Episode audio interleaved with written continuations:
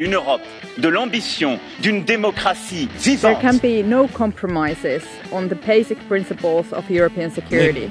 Ми боремось не просто за себе, а за те, щоб Європа The story of how we went from centuries of war to creating these unprecedented continental democracies. Evropska Četrt, četrt, četrt.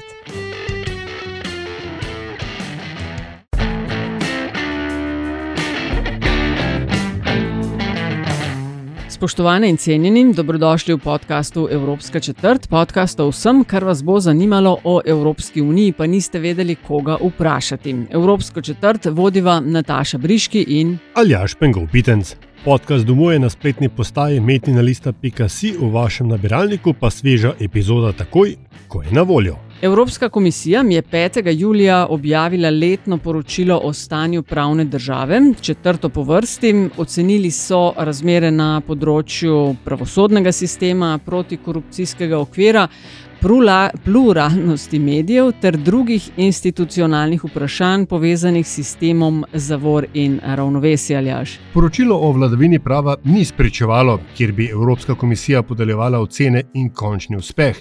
Je vsakoletni pregled stanja v državah članicah in opozarjanje na morebitne odklone od evropskih standardov pri varovanju vladavine prava. In Slovenija je kar nekaj odklonov iz preteklega leta odpravila. Predstavništvo Evropske komisije v Sloveniji je po objavi poročila v Ljubljanskem pritličju organiziralo razpravo na temo tega poročila in sicer s poudarkom na medijih, kje smo, kam gremo, kakšen je bil napredek, če v zadnjem letu. In aljaš, ti si imel moderatorske vajeti v svojih rokah, mestoma se je razvila kar vroča debata. Ja, recimo, da je bila razprava iskriva in em, ne povsem nepričakovano odmevna. In če ravno je bila glavna tema, seveda, usoda RTV Slovenija, smo se s sogovornicama in sogovornikoma lotili tudi drugih tem, ki po mnenju Evropske komisije usodno oblikujejo slovensko medijsko krajino. Dobrodošli vsi skupaj. eh, Danes je četrtek, 6. juli, ura je nekaj minut čez 11. eh, Moje ime je Aljaš Pengobitenc in uh, imam to čas, da vodim današnjo razpravo o poročilu o stanju pravne države za leto 2023, ki ga je pripravila Evropska komisija in tudi današnji dogodek tukaj v pritličju poteka v organizaciji predstavništva Evropske komisije v Sloveniji. Moje, moji gosti in moja gosta sta uh, v Na ključnem vrstnem redu dr. Barbara Reigl, profesor dr. Matej Aubel, Ksenja Horvat in Lenard Kučič. Vaše cenjene inštitucije bomo omenjali sproti, ko se bomo pogovarjali. Tema je obširna, zato se bomo danes tudi zaradi narave današnje zasedbe osredotočali predvsem na tisti del poročila, ki govori o stanju v slovenskih medijih in slovenski medijski krajini. Vendarle pa bi za začetek in zato, da nas nekako uvede v v splošno debato za nekaj uvodnih misli uh, poprosil uh, gospod Natašo Goršek Mencin, namestnico vodje predstavništva Evropske komisije v Sloveniji. Prosim. Ja, um, najlepša hvala. Um, najlepša hvala gostom, da ste se odzvali um, na naše povabilo in hvala Aljaž za vodenje. Um, nekaj uvodnih misli. Um, Vladavina prava je izjemno pomembna v Evropski uniji, nasplošno je pomembna in države članice so se odločile, da bo to ena od vrednot, ena od vodil uh, združevanja v skupno mednarodno delovanje. Um, kako pomembno uh, je upoštevati vladavina prava, si morda najlažje predstavlja nek podjetnik, to se pravi po celotni Evropski uniji, ki opravlja posel v eni državi in če v drugi državi sodstvo ne funkcionira, ne more opravljati normalno svojega posla. Zato je Evropska komisija pravzaprav tudi v nekem dialogu z državami članicami pred štirimi leti začela z poročilom, z nekakšnim monitoringom vladavine prava v državah članicah, ki ga ne pripravljamo samostojno, ampak v zelo tesnem dialogu z državami in z različnimi deležniki. Na koncu vsakokratnega poročila lahko najdete celoten seznam vseh, s katerimi smo vodili dialog tam nekje od marca in potem na koncu včeraj prišli do poročila. Včeraj smo izdali poročila za vseh 27 držav članic, Um, in sicer je to četrto leto, pri čemer smo lani prvo leto uvedli uh, priporočila in letos uh, smo prvič ugotavljali, v kakšni meri so države članice upoštevale priporočila ali pa se izboljšale na določenih področjih uh, v zadnjem letu, to se pravi od julija 2022 do letos. Uh, z veseljem ugotavljamo, da očitno vladavina prava izjemno pomembna tudi za države, glede na to, da je kar v 65 odstotkih prišlo do sprememb na področju priporočil, ki smo jih lani izdali državam članicam. Um, po kakšen je postopek naprej? Um, Komisija je včeraj predstavila poročilo, zdaj pa bodo države same med seboj uh, vodile dialog. Uh, v času predsedovanja Slovenije svetu Evropske unije je to zelo uspešno, ta dialog med državami vodila tudi slovenska vlada in zdaj seveda računamo na špansko predsedstvo, da bo v teh nekih regionalnih skupinah uh, vodila dialog, potem končen rezultat pa je, da se poročilo sprejme in seveda uh, v naslednjem letu ponovno izdamo uh, poročilo z nekakim pregledom, na katerih področjih je prišlo do izboljšanja. Toliko nekaj uvodnih misli, misli zdaj pa želim lepo in uspešno razpravo. Hvala lepo, gospod Goršek Mencini. Imamo seveda tudi petega gosta, ne, ki ne bom priznal, da sem ga na začetku pozabil omeniti. Z nami je neposredno iz Brusla tudi gospod Audrius Prekauskas generalni, iz Generalnega direktorata Evropske komisije za komunikacijska omrežja, vsebine in tehnologijo. Uh, with us is our fifth guest as well, uh, live from Brussels uh, via the happy tool of uh, te telework and such uh, technologies. Uh, Mr. Audris Perkauskas, the deputy head of unit at the EU Commission, the Director General for Commission uh, for sorry Communication Networks, Content uh, Technology, known in EU parlance as uh, DG Connect. Mr. Perkauskas, uh, a very welcome, very welcome, sorry, very warm welcome from Ljubljana. Uh, thank you very much. Uh, so, uh, if I understand well, that this would be the moment to give a short overview of the findings of the rule of law report and uh, in particular those pertaining to media and in particular those pertaining to Slovenia. Yes, that, that is quite correct. Uh, uh I was, um, uh, Ms. Gorshek Mencin just gave us uh, the short, a brief uh, overview of uh, why the rule of law report exists, why it's necessary, and how it has evolved over the years. And as for the 2023 report, I was going to ask you what are the basic takeaways specifically for, for Slovenia and perhaps specifically in the, on the media pillar as we are uh, going to debate this here today? Uh, absolutely, with pleasure. So, um, first of all, uh, let me say that uh, indeed media pluralism and media freedom was uh, part of the rule of law report uh, from the start. so, it was considered as an important element in this whole rule of law architecture because, of course, journalists and media, uh, they are there to signal issues with uh, rule of law and to bring those issues to the attention of society. So this is why it's important that media is able to do its work in all the member states of the European Union. And uh, uh, as part of this media pluralism and media freedom pillar, we look at several issues. We look at uh, how strong the media regulator is, we look also at uh, public service media, another pillar of uh, media pluralism in all member states. Uh, we also uh, look at uh, uh, transparency of state advertising and transparency of state ownership. and we, of course, look at the framework of um, framework for the protection of journalists and their professional environment which also includes uh, issues such as access to information, such as protection of online threats, and such as protection of uh, legal threats um, like abusive uh, lawsuits. And overall, uh, I must say that um, it has been quite a good year for media freedom and pluralism in the European Union. Uh, we saw some gradual and incremental improvements in many member states. Uh, we also uh, what is perhaps even more important, we did not witness a very dramatic, let's say, episodes of deterioration in media freedom and pluralism uh, in the European Union. I mean, um, you know, uh, you, you, you know it very well from previous years, where there were sad episodes of assassinations of uh, some journalists, where there, there was proliferation of physical attacks on journalists, in particular in some member states connected with uh, uh, anti-COVID protests, uh, for example. so in that regard, it's the union is doing quite well. One objective indicator is, for example, that on the Council of Europe's platform uh, for the protection of journalists, the platform which registers alerts in member states, so which registers problematic stations.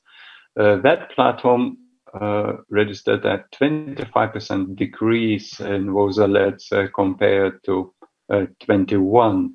Of course, let's say uh, this has to be kept in a slight perspective because in previous year there was a, a significant increase in alerts um, precisely due to COVID and restrictions introduced around COVID and COVID demonstrations and attacks, let's say, on journalists in the context of COVID demonstrations. So all in all, quite a quite a good year for media freedom and pluralism. And I would say, uh, I know that uh, in Slovenia you have open and frank discussions on what is happening in the media, what is happening with uh, laws, uh, recent laws uh, adopted in Slovenia on media. But overall, uh, having listened to all the stakeholders representing different groups, we have formed, I would say, quite a positive impression of what was uh, going on in Slovenia. And um, in fact, um, uh, Slovenia, I would say, stands out a bit um, in this rule of law report as a country where many things uh, uh, were done to try to improve the situation of media and journalists in, uh, in recent months. And uh, of course, uh, let's say one of the most important points is public service media. In the last, in the law report from the last year, from 22, we issued a recommendation to Slovenia to strengthen rules and mechanisms to enhance independent governance and editorial independence of, of public service media. And then we observed very carefully uh, Uh, how uh, the law, the new law was adopted, and we of course uh, noted the constitutional challenge, and we of course uh, noted developments on the ground um, in the uh, public service broadcast, and also developments pertaining to Slovenian press agency, of course. And overall, I must say that we have a positive impression. We believe that this will help to depoliticize a bit uh, the management and uh, and uh, and governance and financing uh, of those important uh, entities in the Slovenian uh, media landscape. then, apart from those key episodes, there were, of course, some further improvements that we have noted, and these are really several and pertaining to different parts of the media pluralism pillar. So for example, the media regulator ACOS, we noted that uh, we knew already that they are uh, traditionally very active, for example, on media literacy. And in this, uh, in this year's report, we uh, observe that uh, they continue to develop the media and information literacy portal, which is always very good uh, way to to improve media literacy skills of of our citizens. Uh, then on uh, on the resources side, indeed, uh, it's always important that media regulators are adequately resourced. It's a, it's a challenge in all member states, and you could safely say that resources probably are never enough, especially when new rules are adopted also at European level, such as Digital Services Act, for example, and media regulators uh, in uh, many member states are getting involved one way or another uh, in the process of implementation of the act. So uh, what I want to say in other words, that there are always new tasks, and of course, it makes sense to always keep an eye on the resource side so that the regulators have uh, have sufficient resources for that. And we know that that indeed uh, the government was able to uh, to uh, give some additional resources to ACOS.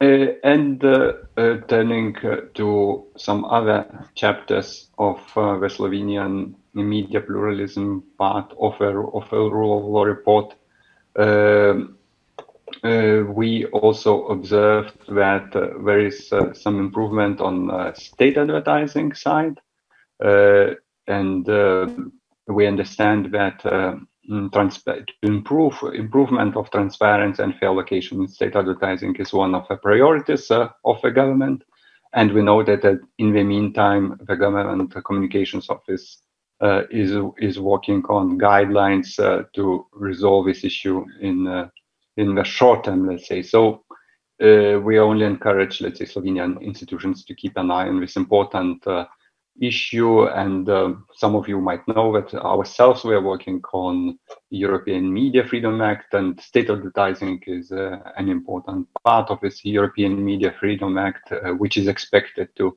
uh, to set uh, uh, and establish uh, some common rules to improve transparency and fair allocation of state resources directed for, to media for the purposes of state advertising.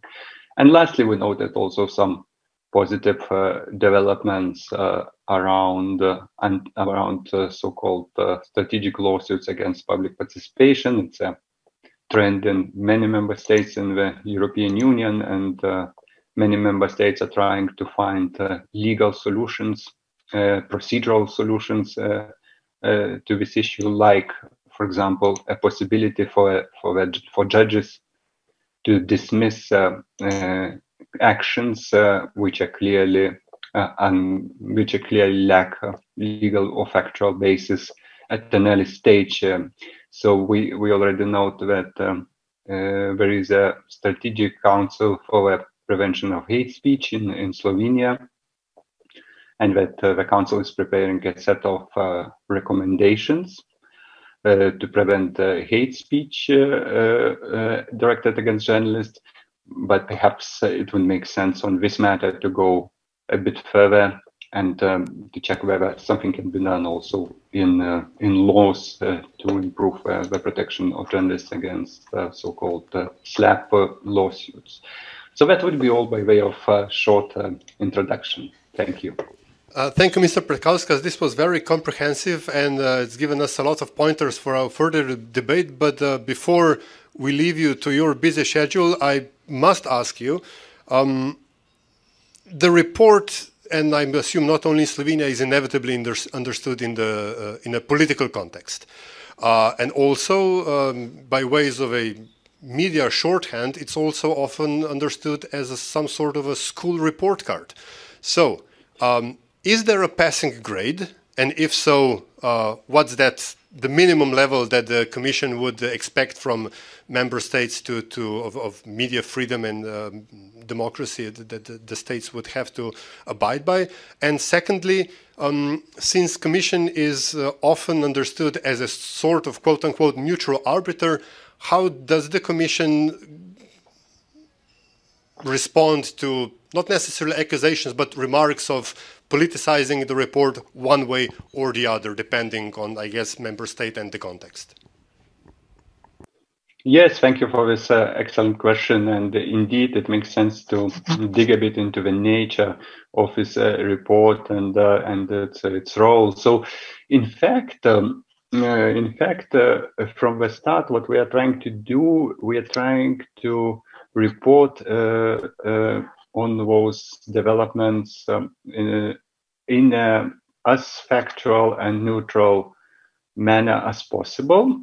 Precisely to to avoid the impression that you know it's a kind of a political exercise and trying to to to distinguish to sort uh, member states into good ones and bad ones. So in fact no uh, we deliberately mm, do not rank uh, member states actually because was uh, uh, because as you know from you know from the media field and uh, it's quite common to have all sorts of indexes and some of the indexes are well known like for example reporters without borders media freedom press freedom index which is published each year so where the approach is to rank member states and you immediately see which member state moved from which position to which um, from one year to another.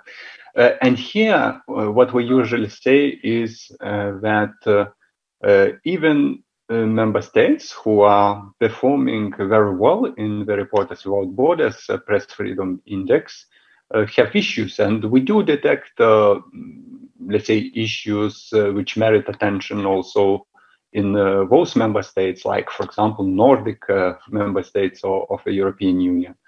Uh, this is not to say that those issues are necessarily uh, dramatic uh, and and really undermine rule of law as such, but still, it's the philosophy of that is that of constant improvement and constant attention across all the member states. So, in in that sense, you know, uh, there is no uh, such a thing as pass mark. Uh, of course, while reading the reports and while looking at the number of recommendations in particular, it's not so difficult to, to see where problems are more acute and where problems are softer. Uh, but in principle, it's uh, it's a tool for uh, to improve media freedom and pluralism in all member states, and it's a soft tool. So it's meant to uh, to record developments as objectively as possible, and then I would say gently push member states in, into addressing uh, the issues detected through recommendations. And then it's a cycle. So, so we make recommendations in one report. When we are preparing the next report, we come back to the member state and say, "Look, we had this recommendation. Have you managed to to uh, to reform things or to improve things in practice?" Uh, so uh, so that uh, to, to follow that recommendation. This is all very informative, uh, Mr. Prekauskas. Uh, thank you very much uh, for it, for taking the time to talking to us, and a um, big hello back to Brussels, where the weather apparently gets a much better grade than the weather in Ljubljana does. So, thank you again. thank you very much. It was a pleasure to participate in your discussion. Tako, hvala lepa uh, uh, gospodu Prekavskosu v Bruselj. Mi bomo zdaj nadaljevali uh, v slovenščini z mojimi štirimi gosti tu v pritličju. Um, pa da se ne bomo v narekovajih zataknili ne, na, na vroči temi dneva in tedna. Uh, bi začel z uradnim odzivom Republike Slovenije na poročilo Evropske komisije o stanju vladavine prava v Sloveniji. Lenar Kučič z Ministrstva za kulturo, kaj si oblast misli o napisanem?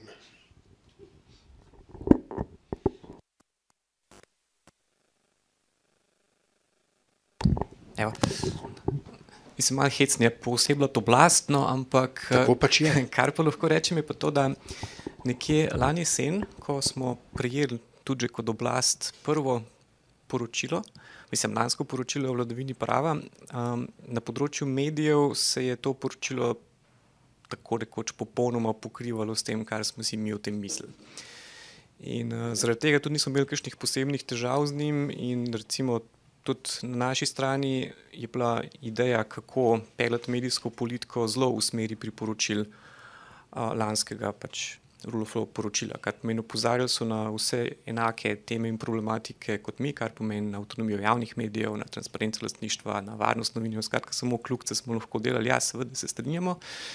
In uh, zato tudi ta nadaljevanje, vem, od lani do zdaj, so bili praktično vsi ukrepi na tem področju, ker eni so že javni, eni bojo kmalo v javni razpravi, praktično vse, kar se dela, pa pripravlja je v tej smeri in uh, tudi mi lahko rečemo, da nas veseli, da je nasplošno poročilo izpostavilo pozitivne premike.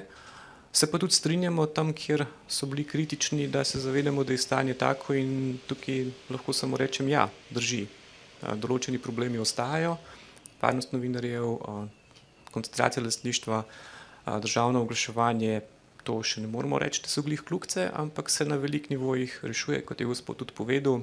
Svet za sovražni govor se ukvarja s tem vprašanjem, na UKOM-u se ukvarjajo s smernicami državnega oglaševanja, na naših delovnih skupinah za prenovo medijske zakonodaje imamo praktično vse te stvari tako po v, recimo, v temu, na kakšen način zakonsko zadeve kodificirati, tako da vsaj z naše strani lahko rečem, ja, se strinjamo s poročilom in uh, tudi predlagane kritike so čisto v skladu s tistim, kar tako tako vemo, da moramo narediti.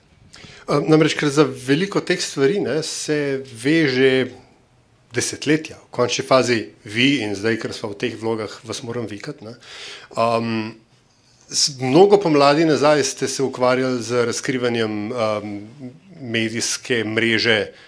V tem primeru šlo za eno od radijskih mrež, ne, ki je bila skrita med razne uh, DOE, SP-je in KD-je. Um, se pravičujem, ampak se mi zdi, da ne vem, no, ne vem, če so stvari sploh šle kakorkoli na bolje v teh časih. Kje, kje smo in kam gremo? Ne? Klasično vprašanje. Ja, sej, mislim, seveda je po svojem mečkem taka hecna vloga to, ker uh, če komentiram nekaj, kar sem kot raziskovalno delo, ampak ja, vidim pa tudi to razliko, recimo, če nekaj raziskuješ kot raziskovalec, pa tudi kot preiskovalni novinar. Je to druga vrsta raziskava in druga vrsta ugotovitev, kot če to delaš na ravni zakonodajalca. In uh, tukaj imamo mi, če uporabim to varianto, mislim, živimo v časih, kjer na velikih področjih, na področju medijev, uh, gledamo eno žival, ki laufa po stepi, izgleda, kot kon in načrte, ampak se moramo delati, da ni zebra. Uh, In, in take situacije je kar nekaj, kar pomeni, če ti, spravim, kot raziskovalci, vidiš, da je eno podjetje, mislim, tako v 19-odstotni lasti štirih različnih podjetij. Veš, da je zakonska umitev za priglasitev a, več kot 20-odstotnega deleža v zakonu, in veš, da je, mislim, veš, lahko rečeš, zelo, zelo utemeljeno domnevaš, da je edini razlog za pridobitev 19-odstotnih lastniških deležev pač obid tega zakona. A, ampak z vidika regulatorjev, ali so to mi, ali to urad za varstvo konkurence, pa podobno, pa zadeva, evo, ni zebra. In, um, in to je ena taka stvar, ki se vsi sprašujemo, na kakšen način to zatečeno stanje spremeniti, mislim, za koliko let lahko nazaj. Uh, eno stanje, ne vem, razveljavljaš, vzpostavljaš na novo, pa vse to je absolutno eno od tistih težjih vprašanj, s katerimi se ukvarjamo. Res je pa tudi to, no, da bi um, to, kar pravimo, ne, na medijskem področju je res stanje tako, da po eni strani vsi vse vemo, po drugi strani pa vsi gledamo situacijo, kakšna je. Uh, nam bi bilo neskončno lažje tudi v tej vlogi, če bi se zdaj ukvarjali z abandmaji medijske zakonodaje iz leta 2018-2019, kar pomeni, da bi bili že utečeni mehanizmi, da bi se vedeli, recimo, da se medijska zakonodaja ne bi sprejemala tako rekoč vedno v revolucionarnih časih, ampak bi bila to ena taka demokratična tehnikalija, ki bi se pač normalno odzivali na spremembe in na trgu, in v družbi, kar pomeni, popolnoma normalno je, da uh, je medijska panoga nekaj, kar najbolj neposredno odraža in družbo, in politiko. Uh, vemo, da imamo zakone iz 2001, ki ogromno teh pojmov, kaj šele tehnoloških sprememb, sploh ne naslavljajo. In seveda je zdaj težko zmeraj znova po vseh mogočih poskusih začeti nekje z nule in to stanje, 20-letno luknjo, nekje na en način nadoknaditi. In pa se tukaj sprašuješ iz take stvari, kaj lahko narediš s popravki obstoječih pravil, pa podzakonskih aktov, kje bi mogel napisati popolnoma nov zakon, pa se tukaj dogaja še INFA, pa Digital Services direktiva, ki tako ali drugače tudi delno vplivate na medijsko panogo in če bojo te uredbe pardon, eh, direktive, ampak uredbe, akti. Če bojo stopili v veljavo, bojo na nekih točkah pač. Po, mislim, ne povozila, ampak tam, kjer mi nimamo ustrezne regulacije, bojo stopili neposredno v veljavo in se bomo mogli s tem ukvarjati, s tem uveljavitvijo. Mislim, hočem reči, um, tokenih reči, kot se trenutno dogaja na tem področju, pa če temu dodamo še družbeno realnost, je to, kar, uh, kako bi rekel, razlika od tega, kaj veš, pa česa se zavedaš in kako to kodificirati v boljšo zakonodajo, in hkrati, da če regulaciji možnost, da zadeve dela, mislim, ta razlika med tem, da se načeloma popolnoma vsi zavedamo, kje smo in kaj bi bilo dobro narediti. Um, in tem, da je pa to spraviti v prakso in doseči neke vrste konsens glede tega, uh, je pa težko zaradi tega, ker, ja, mislim, tudi ena od stvari, ko ne, medijska zakonodaja je ena izmed tistih zakonodaj, ki v tej družbi izrazito polarizirajo um, in zainteresirano in splošno javnost. Kar pomeni, tukaj izhajati iz enega soglasja uh, je težko, ampak vsaj zaenkrat na kakšen način potekajo in pogovori z deležniki, in pogovori z notranjim stroke, predstavniki ministrstva in tako je nekje zavedanje, da je vse situacija taka, da je treba stvari premakniti naprej. Imamo občutek, da je tokrat močnejša, kot je bila kdaj v preteklosti. No? Um, če se prav spomnim, predavanj profesora Spihala konsenza najmanjša stopnja nestrinjanja. Ne? To je zdaj tak pogojni refleks, ki je tukaj ven uh, skočil. Doktorica Barbara Rajgel, pravna mreža za varstvo demokracije. Um, je država usposobljena, da razreši dileme in probleme, ki jih je uh, gospod Kočič ravno kar uh, naštel in uh, čini, kako jim lahko pri tem pomagate? Tega vprašanja pa nisem pričakovala, tako da bom kar odgovorila. Mm v bistvu imamo že s kolegom, recimo, če pogledamo, m, kolega težko sprejme vlogo oblastnika.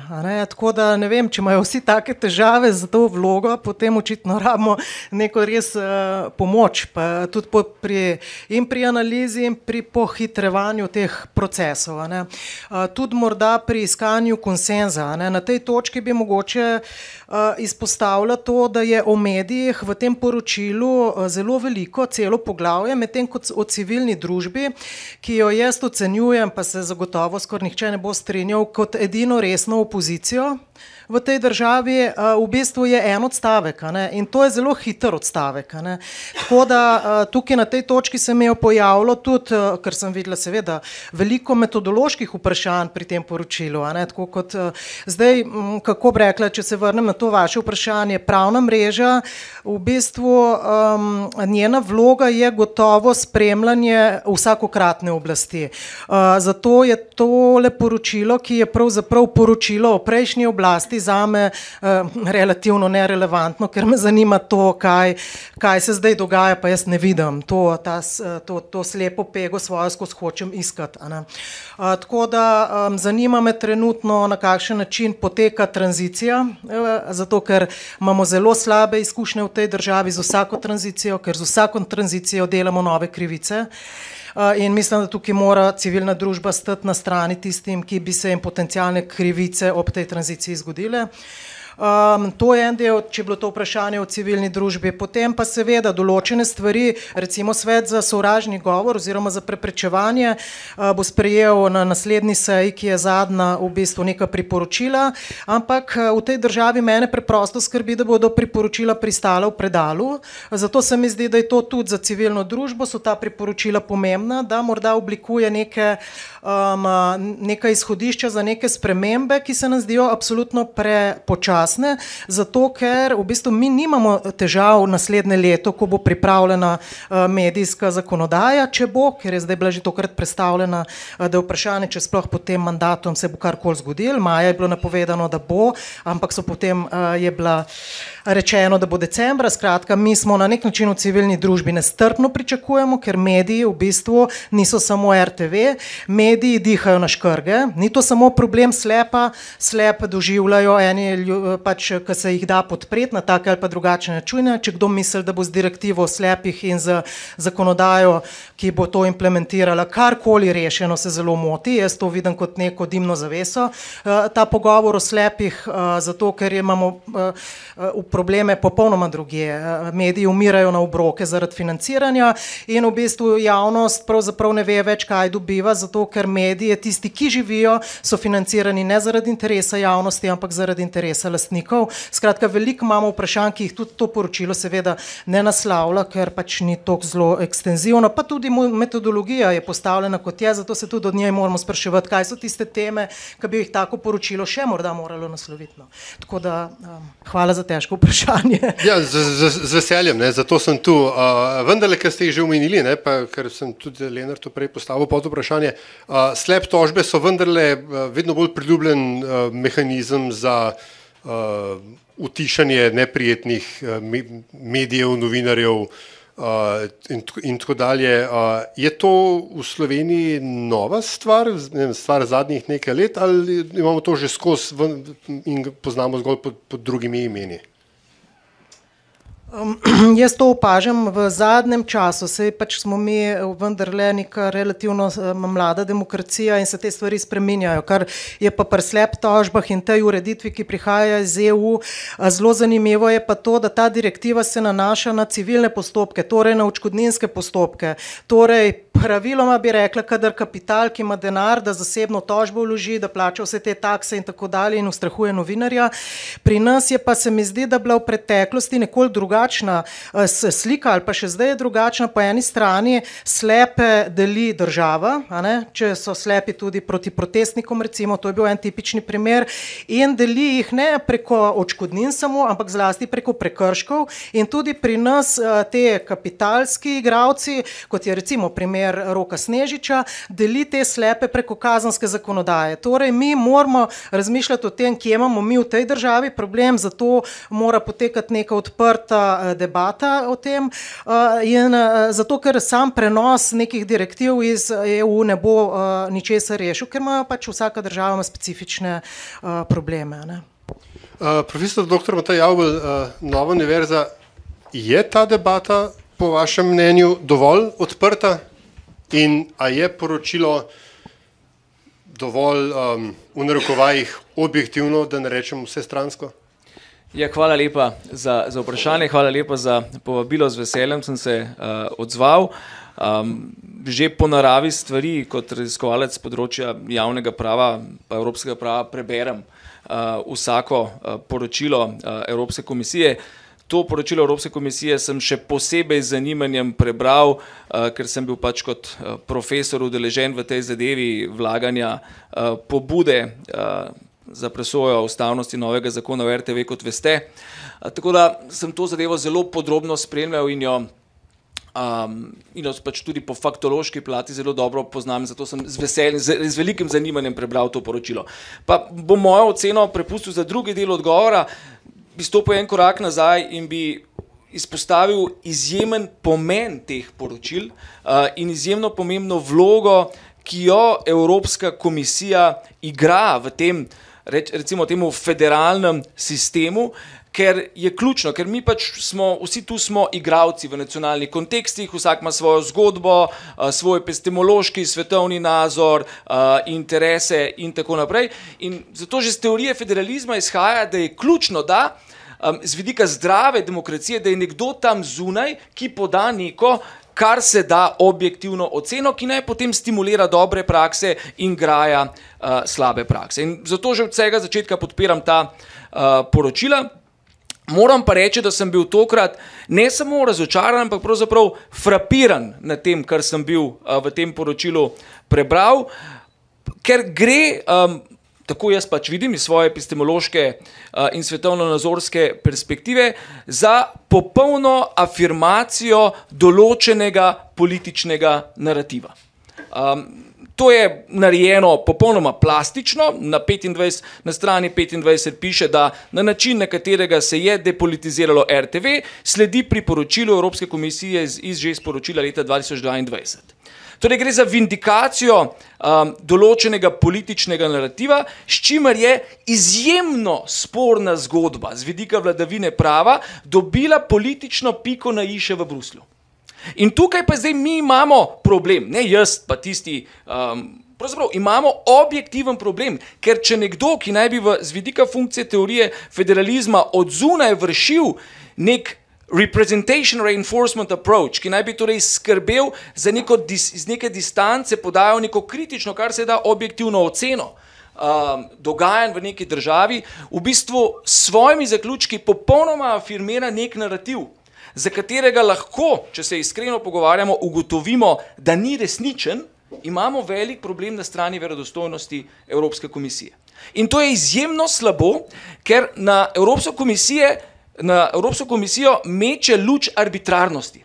Ravno arbitrarnost pa je tista, ki je bistvo, či, tisto, kar vladavina prava prepoveduje. In če se zdaj vzpostavijo pogoji arbitrarnosti na strani Evropske komisije, ki naj bi s svojimi poročili zagotavljala vladavino prava, je to voda na mlin vsem tistim, ki vladavino prava zares kršijo. In tukaj jaz vidim en zelo velik problem, zelo velik problem pa je tudi, kar je omenila kolegica Barbara, metodološki. Um, metodološki, ker jaz ne obtožujem Evropske komisije, da je namenoma napisala takšno poročilo. Um, Karl Mannheim bi rekel v ideološkem smislu, gre tukaj za morda za hinavski um.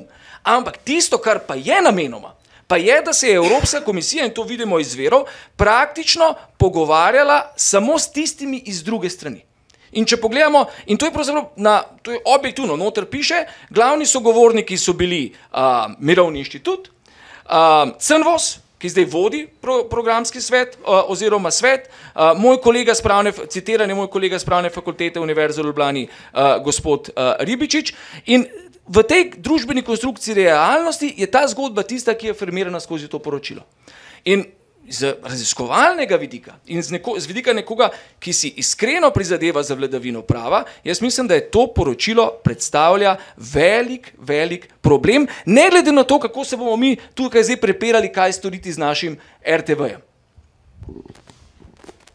Upam, da ste v končni fazi vendar, da ne bomo prepirali. Ne? Se, se je treba včasih. Ja. Um, da bo šlo za iskrivo izmenjavo mnen, da je mu tako reči. Tako. Ampak preden ta mnenja izmenjamo in potem res pričakujem vaše replike in tako dalje, bi mogoče za um, podlago tej debati Ksenijo Horvat, RTV Slovenija, vendarle vprašal, skratka, v seriji, v seriji kriz zadnjega desetletja se je pokazalo, da so javni mediji nujni za uh, delovanje demokratične družbe in hkrati so bili pogosto prva tarča populistov vseh barv, vonjev in okusov. Um, kje so, oziroma kako zelo samoumevni so še javni mediji dan danes? Hvala lepa. Um, ja, kar komplicirano vprašanje, ne, kako samoumevni so, če pogledamo v svoje um, recimo neposredno okolje, pravzaprav v sosednje države, v druge evropske države. Vidimo, da, so, da je položaj javnih medijev pravzaprav povsod nekoliko pod vprašanjem. Um, zdaj, kako pod vprašanjem? Seveda je odvisno tudi od stopnje um, demokratičnosti določene družbe, uh, kako resno tam razumejo javni servis kot nek temeljni gradnik družbe, oziroma tisto lepilo, ki naj bi povezovalo celotno družbo, um, da bi imela torej nek, neko skupno platformo, nek skupen javni pre, um, prostor, preko katerega pač potekajo vem, um, uh, javne razprave, uh, osnovne informacije o tem, kako naj pravzaprav gradimo skupaj neko družbo. Um, zdaj, seveda, RTV je kompleksno, komplicirano vprašanje, ampak vsaka javna RTV v Evropi v tem trenutku je kompleksno in komplicirano vprašanje. Po vsem, kar smo videli na BBC-ju, kjer se je zgodil tudi neke vrste politični prevzem BBC-ja, pa se potem tudi razmeroma uspešno končal in se tam zdaj tudi uh, torej, njihova radio-televizija re revitalizira, postavlja po, uh, ponovno na noge. Uh, če pogledamo primer ORF-a, kjer uh, imajo pravzaprav zelo podobne težave, kot smo jih imeli recimo v mirnejših časih v Sloveniji, torej venomer debata, kdo je na oblasti, kdo ima zdaj vpliv na RTV, ta debata je v Avstriji še vedno zelo izrazita in uh, poleg te debate se tam izrazito kaže tudi, tudi, kažejo tudi pobude k večji depolitizaciji ORF-a, kar, kar zadeva zastopanost v uh, um, različnih nadzornih telesih, predvsem v njihovem programskem svetu um, ORF-a. Zdaj, za nas en tak zanimiv in dober primer, na katerega bi se mi lahko uh, naslonili, je uh, nemški primer. V Nemčiji, naprimer, javni servisi uživajo uh, izjemno veliko podporo. Uh, v Nemčiji z javnimi servisi izjemno skrbno ravnajo. V Nemčiji javni servis ni nikoli izpostavljen napadom torej najpomembnejših nemških politikov, tam so tarča napadov predvsem skrajno desne stranke, pa še ti napadi, odkar je skrajno desna stranka v parlamentu, so se nekako umirili in kultivirali, bi skoraj lahko rekli. Seveda pa je nemška javna televizija naredila že pred časom časom velike premier, premike v smeri tega, da depolitizira svojo, um, torej svoje nadzorno telo, uh, recimo njihov uh, programski svet. Um, zelo zanimivo se je že leta 2014 in potem v praksi leta 2016 preoblikoval iz uh, neke 74 članske uh, ogromne uh, institucije v vitkejšo 60 člansko institucijo, kjer so tudi um, torej, uh, oduzeli uh, političnim strankam strankam možnost, da direktno imenujejo svoje predstavnike v programski svet. Eh, še vedno to, torej politična zastopanost obstaja na državni ravni, ni pa več tistih 16, ki, jih, nepo, ki jih je neposredno uh, imenovala, uh, so jih imenovali stranke zastopane v parlamentu. Uh, Pred uh, ne tako dolgo nazaj sem se pogovarjala s predsednico uh, programskega sveta CDF, uh, gospod Margaret Time, izjemno, kako bi rekla, torej predsednico programskega sveta, ki bi si jo človek samo želel z izjemnimi življenjskimi, profesionalnimi, delovnimi izkušnjami. Ona prihaja iz anglikanske, torej predlagala jo je anglikanska crkva, vodi humanitarno organizacijo za pomoč lačnim po svetu in tako naprej. Torej, ona sama je ocenila, v programskem svetu pa deluje že desetletje, da je bil ta prehod na depolitizacijo uh, CDF-ovega um, torej, um, programskega sveta, da je izjemno pozitivno vplival na delovanje CDF-a. Tako da tu je res uh, tu je tako kompleksno vprašanje, da pravzaprav zdaj ne vem, lahko nadaljujem še kako uro, lahko pa ti vrnem, pa ti vrnem besedo, pa uh, še kasneje. Bomo, bomo o tem še kakšno rekli, uh, pa mogoče vendarle primamo obika za rogene.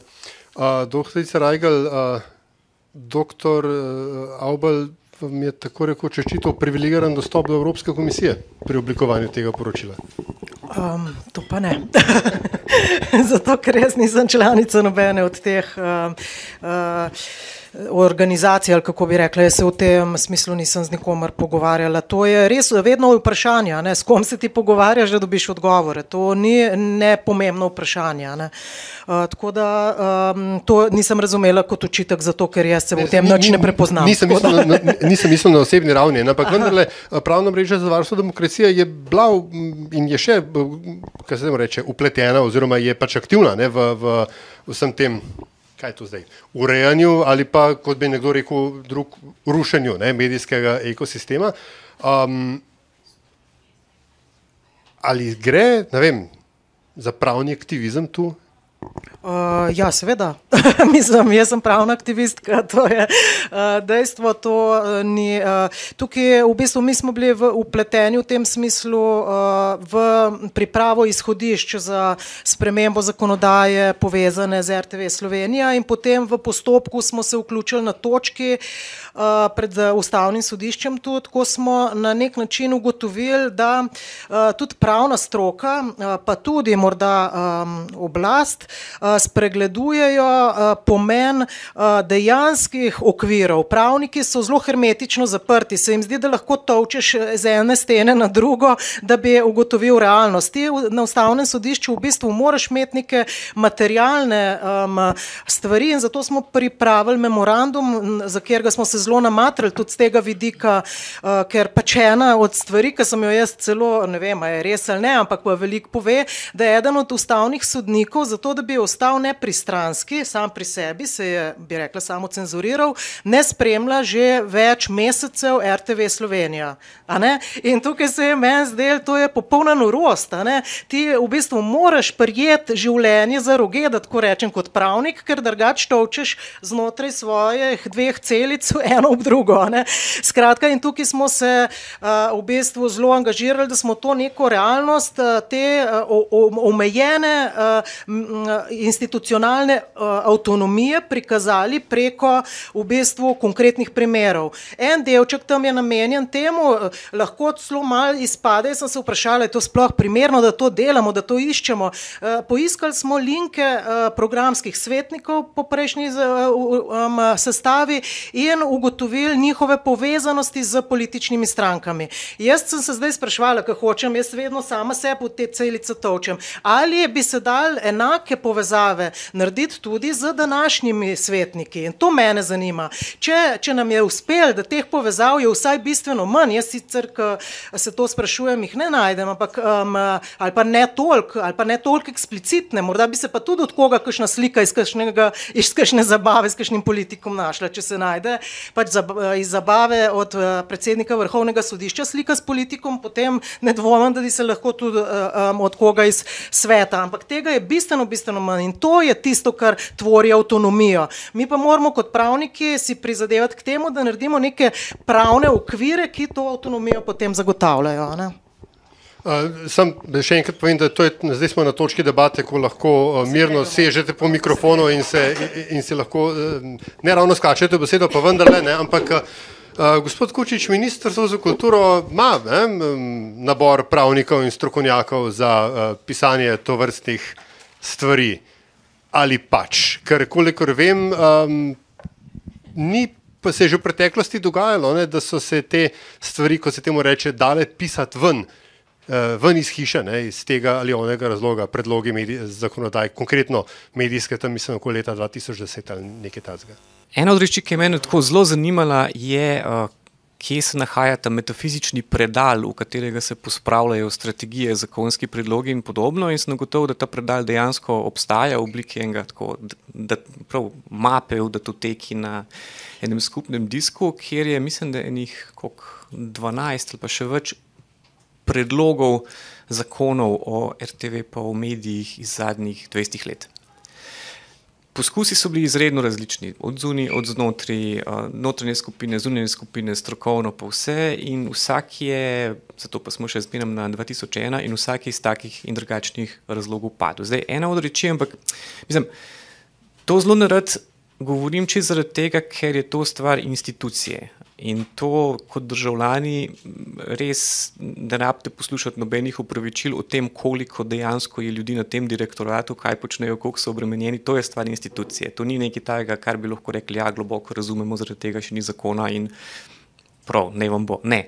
Ampak je pa absolutno podhranjenost tega področja velik problem. Zaradi tega, ker na direktoratu za medije so tako štiri ljudje, plus direktor, plus jaz v kabinetu za to področje, ki pokriva hkrati še film in še nekaj reči. Zdaj, reči, da je to vem, enostavno, ni.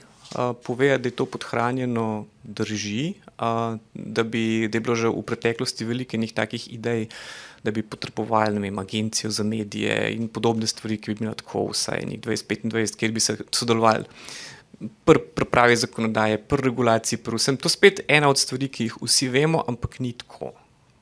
Zdaj, imamo ljudi, ki so to sposobni speljati? Uh, ja, uh, a je enostavno ne. A se področje medijev danes pokriva z ogromno drugimi ministrstvi, ki so mnogo močnejša in finančno, in politično, kulturnega? Ja, recimo, mi smo tukaj za medije resorno ministrstvo, kar pomeni objektivno in pravno in formalno smo za mrski tukaj odgovorni. Uh, ampak čez z vidika tega, vem, proračunsko, koliko lahko dejansko res ti priješ, rečeš, priješ na vlado, to pa zdaj šlo skozi, je pa ta moč dosta omejena. Ampak spet pa, tukaj imam v tem težave, ker so to. Lahko se zelo hitro sliši kot zgovori, in to so stvari, ki državljane in medice in civilno družbo upravičeno ne zanima na ravni izgovora. To je problem države, to je problem medijske politike, to je problem inštitucije. In je zatečeno stanje, ki je nastalo ne danes, ampak skozi zadnjih 20 in več let, pa tudi to, kar smo že prej veliko opozarjali, da ni bilo ene strategije razvoja, da je bilo ogromno stvari stihijskih, da se je ogromno. To je spet lahko samo ponavljamo. Ampak vprašanje pa je, kaj se iz tega dejansko da narediti, na kakšen način postaviti pravila. Mislim, tukaj smo se ogromno, vem, bili zelo veliko na vezi z Bruslom, tudi zaradi tega, ker smo malo tudi upali, da bo, um, da bo nova evropska medijska zakonodaja prinesla nove definicije, da bo dejansko tudi uh, odgovorila na eno vprašanje teh naših držav. Ampak recimo, ko sem bil zadnjič na svetu Evrope, kjer so se ministri za kulturo in medije izrekali glede ENFE smo videli, da tudi Evropska unija nima enega enotnega pristopa. Mislim, da imaš tako par takih blokov, naprimer ta skandinavski del. Nekje izhaja iz tega, da ja, pa se mi tega problema sploh nimamo, sploh ne vemo, o čem vi tukaj govorite. A, ta usrednji evropski del starih demokracij, ti tam reče, pa mi imamo medijsko svobodo že iz 18. stoletja, zrihtano, z ustavo, pa z vsem, o čem se spet pogovarjamo, pa imaš pa ta del, recimo Višegrad, pa to, ki se čuti napaden karkoli govoriš o kršitvi medijske zakonodaje ali pa o tem, da so medijski zakoni slabi, pa to, da s prstom na njih kažeš, na polsko, na mačarsko, na češko, na slovaško. Um, in so absolutno v defenzivi. Pa imaš pa še te, recimo, države, ki smo nekje mi, ki smo malo vmes, ki pa upamo, da nam bodo dali kakšno idejo, kako te stvari narediti. Recimo, tudi, ja, fino, zelo akt o svobodi medijev reče, ja, medijsko lastništvo in transparenca, in smo upali, da bo ki povedal, ampak ja, kako se pa tega lotiš, mislim, kako napišeš v zakon nekaj, da bojo lahko obstoječi regulatori učinkovito to uvajali. Ja, tukaj pa puščajo diskrecije državam. Skratka, to je bolj opis stanja, no, ampak hočem reči.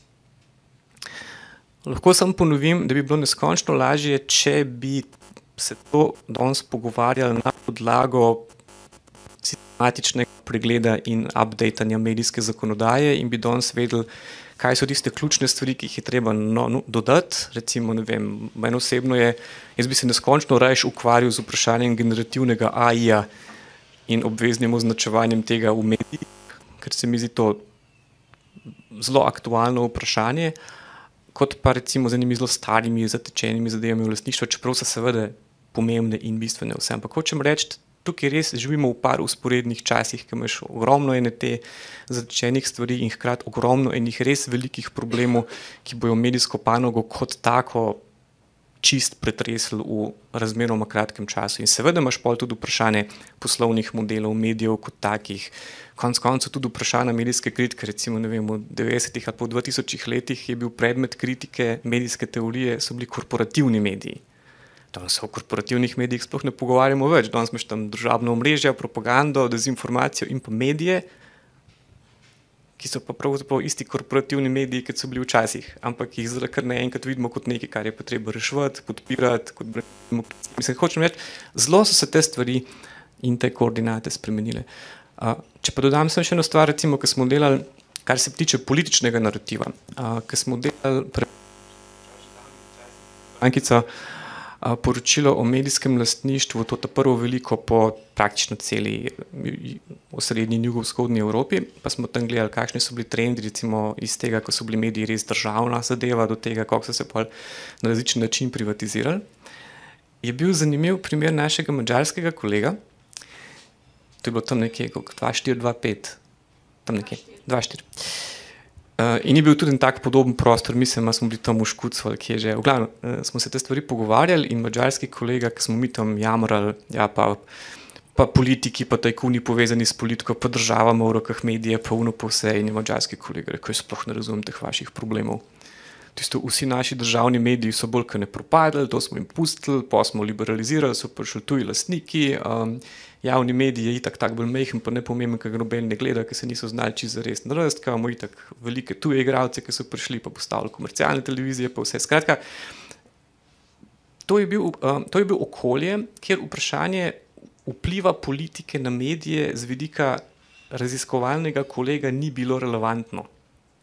Deset let pozneje imaš vzpon politika, ki skoraj celotno svojo kariero utrjuje tudi na mitu um, levo-liberalnih, komunističnih in ne vem kakšnih medijev, ki jih je bilo treba, uh, mislim, ki jih je bilo treba, seveda, zakonodajno samo nekako podrediti, demokratizirati, depolitizirati in vzpostaviti zdajšnji medijski sistem. Mislim, te, te stvari odražajo tudi našo družbo, ta narativa je izredno močna, kdo koga na kakšen način depolitizira.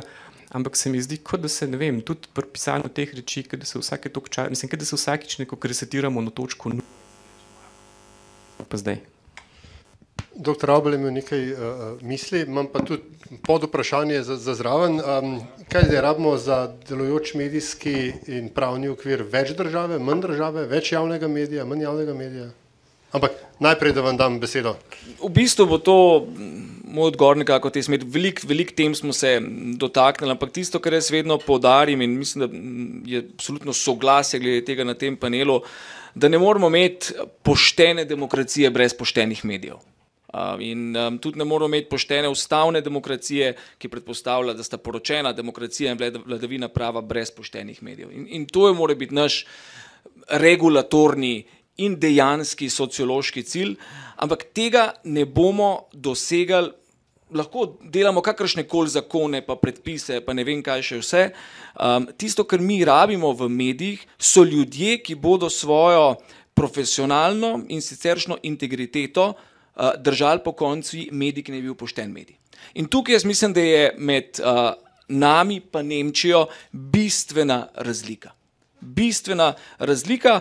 Um, ena razlika, ta raz, razlika je predvsem v tem, da smo pač mi manjši sociološko gledan uh, prostor in tukaj je Barbara in njena tovarišija za ustavno sodišče.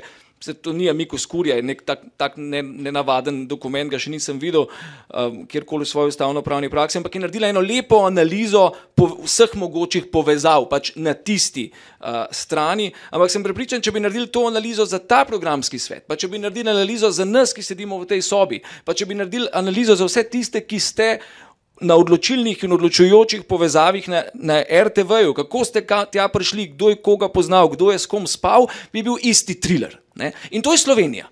In v, to, to je Slovenija. In ta, to ni Nemčija. Ne? Bistvena, a smem povedati do konca?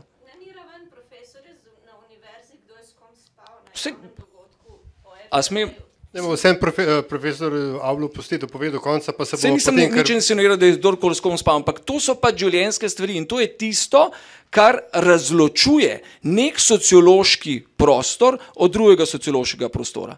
In v nekem sociološkem prostoru govoriti o depolitizaciji, je potem to v praksi čist nekaj drugega, kot v drugem prostoru s popolnoma drugačno kulturo ljudi, s popolnoma drugačno profesionalno in siceršno uh, integriteto. In tukaj jaz mislim, da je, da je, treba, da, da je, treba, da je, da je treba začeti. In tisto, In tisto, kar jaz pogrešam, je, da v tej naši medijski razpravi se pogovarjamo, isto kot pri sodiščih, se pogovarjamo o medijih in sodiščih, sodnikih in sodnicah, novinarkah in novinarjih, prav. Ampak vsi ti opravljajo neko ključno družbeno, demokratično, vladavinsko pravno funkcijo storitve za državljane.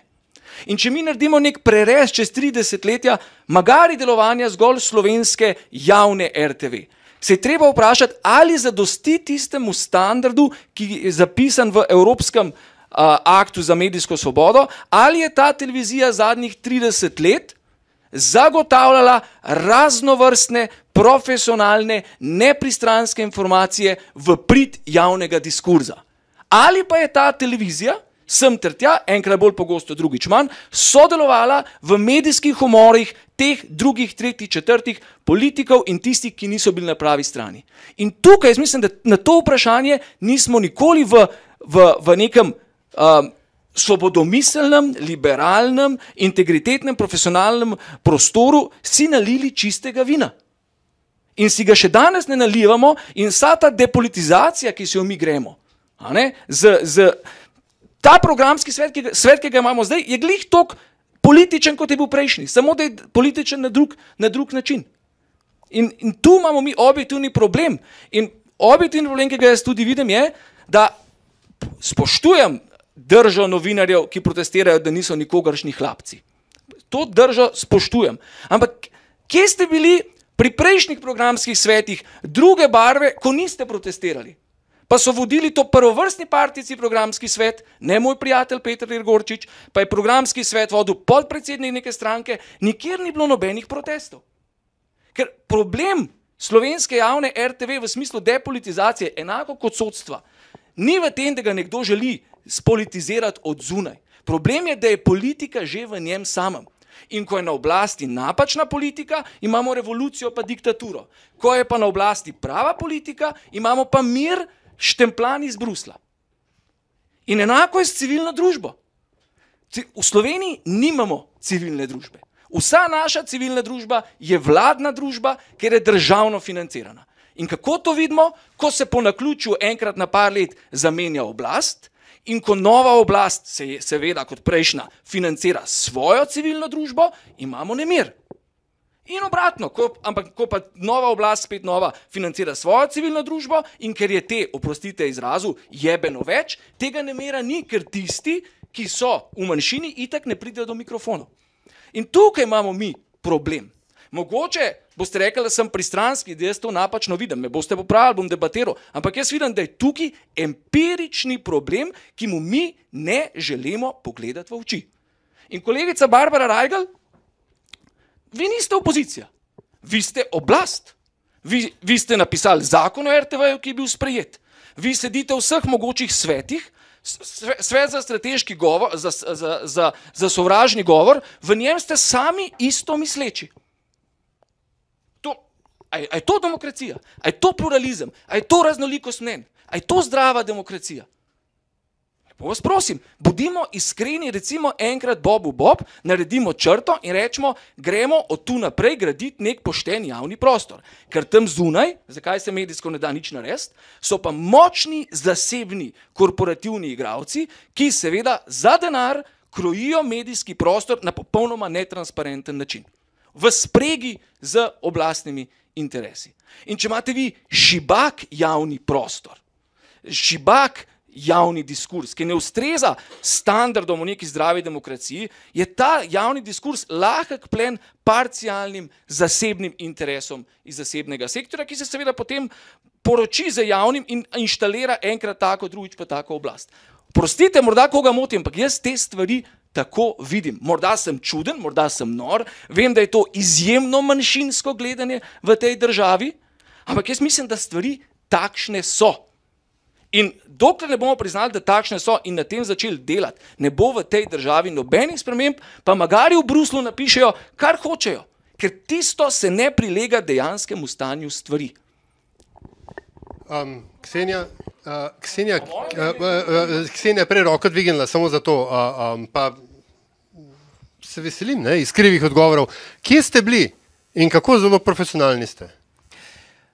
Ja, hvala lepa. V bistvu bi vseeno, bi se mečko navezala na programske svetnike, ne, kako je zdaj vse isto, kot je bilo prej in pri vsakemu se vse najde. In zdaj v bistvu ne želim se postavljati v obrambo programskemu svetu, zakaj bi se, oziroma novemu svetu RTV. Zanimivo mi je samo nekaj. V tem času, kot veste, je pri nas odprt, oziroma zdaj že zaprt, ali kako razpis za novega generalnega direktorja. Zdaj, vsaj pri starejšem kadru na RTV-ju, kar zelo zanimivo, vsi potem, vem, sprašujejo, pa uh, poslušaj, pa čigav pa je, koga, koga zdaj tle podpira svoboda, koga podpira levica, a čigav je kdo. Mislim, meni je strašno zanimivo po vseh teh letih, prvič do zdaj, prvič do zdaj ljudje, teh ljudi dejansko ne znajo nikamor pripet. Lahko za nekoga to sumimo, se o tem pogovarjamo in tako naprej, dejansko pa se ne da pove, tudi, uh, A misliš, da je pomembno, koga Svoboda zdaj podpira, ko bojo glasovali o programskem svetu, o, pre, o predsedniku uprave? Mislim, da, da o tem, kar v tem trenutku misli Svoboda ali pa Levica, oziroma kakšna druga stranka, ki je na oblasti SD, prvič po 30 letih stališče svobode, levice in SD-ja tu absolutno ni relevantno. Ko tudi ne, uh, kaj o tem misli SDS ali pa NSI kon, konec koncev. Notri so tam neki ljudje, za katere predvidevamo, da so avtonomni. Zakaj bom to rekla? Zakaj avtonomni? Ker kaj smo imeli prej? Ljudi, ki so bili neposredno povezani z eno določeno stranko kje smo bili prej. Zdaj, seveda, boste govorili o, um, zdaj, o pokojnem Janezu Kocijančiču, ki je dejansko bil uh, predsednik um, programskega sveta neko obdobje. Zdaj, kje sem bila jaz prej? Jaz v tistem času sem bila v Angliji, nisem živela v Sloveniji, verjamem pa in vem, in tudi vem, da so že takrat po, potekali, vprašajte, ne vem, kakšne druge znance na RTV-ju, sej verjetno ne dvomim, da jih imate, da so bile to resne in ne nehno debate nekega tako imenovanega, recimo jim desno desno-sredinskega pola RTV-ja, ki je imel občasno tudi zelo odprto vojno z um, predsednikom programskega sveta. In kadar je šlo za programske zadeve, kjer so se novinari našli v neki tej profesionalni temi, se jim, se jim je pridružil pa še kak drug pol novinarjev na RTV-ju. Ja, bedno je, da moramo v 21. stoletju govoriti o nekih polih novinarjih na RTV-ju, mislim pa, da zato so še najmanj krivi novinari sami, ampak zunanja javnost javnost, ki jih tako pozicionira in pripenja te oznake. V nekaterih medijih sem, predno sem prišla sem, zasledila svoje ime ob oznaki skrajna levičarka. Mislim, sej, Lej, lahko se jaz zdaj na tem hahljam in mi je to zabavno in smešno, v bistvu se pa sprašujem enako, kot, uh, kot se sprašujem pri marsičem iz vašega izvajanja, uh, gospod Avbal, pa lahko nekdo pogleda, kaj in kakšne projekte in kakšno držo je zauzemal pri določenih programskih projektih, na kateri osnovi vi sklepate o ljudeh kar tako. In se mi zdi, da pri, tudi, um, tudi pri vašem izvajanju, gospod Obelja, je tako, se strinjam, nekje je treba na neki točki presekati, nedolžnih ni. To vsi vemo. Nedolžnih ni, ne v novinarskih vrstah, verjetno ne v uredniških, še manj na politično-oblastniških, ni. Kako zdaj to stvar presekati? Meni se zdi, da se to z nekim neutralnim novim svetom, ki ni politiziran, lahko preseka zelo dobro. Se mi pa zdi, da v tem svetu, zdaj, v kakršnem živimo, pa postaja tudi če dalje bolj irrelevantno, kdo v, tej, v tem svetu zdaj z, z, z, torej zastopa neke desne, neke leve pozicije. Mislim, to je popolnoma irrelevantno. Svet RTV, kot cela RTV, se mora v tem trenutku osredotočiti na vse tiste javnosti, ki jih RTV dan danes ne nagovarja. In teh javnosti je ogromno, na vse tiste odrinjene, pozabljene, dokamor RTV ne pride. In če vi zdaj vprašate, kaj je glavna točka programov, uh, uh, torej programskih svetov uh, v vseh teh medijih, recimo v Evropi in tako naprej, točno tako, kako doseči vključenost, popolno vključenost ljudi v državah, čim večjo na vseh ravneh, na ravneh financiranja, upravljanja in na ravneh v bistvu neke produkcije vsebin, ki, ki se tam dogajajo. Mi pa se seveda prepiramo še vedno o tem, kaj je nekdo naredil ali pa rekel, ne vem, kar ga bremeni, da je zdaj levi in desni in tako naprej. V bistvu pa se ne, ne zavedamo, da so ta vprašanja popolnoma irrelevantna. Doktorica Rajgal, bili ste izzvani, menda ste na oblasti.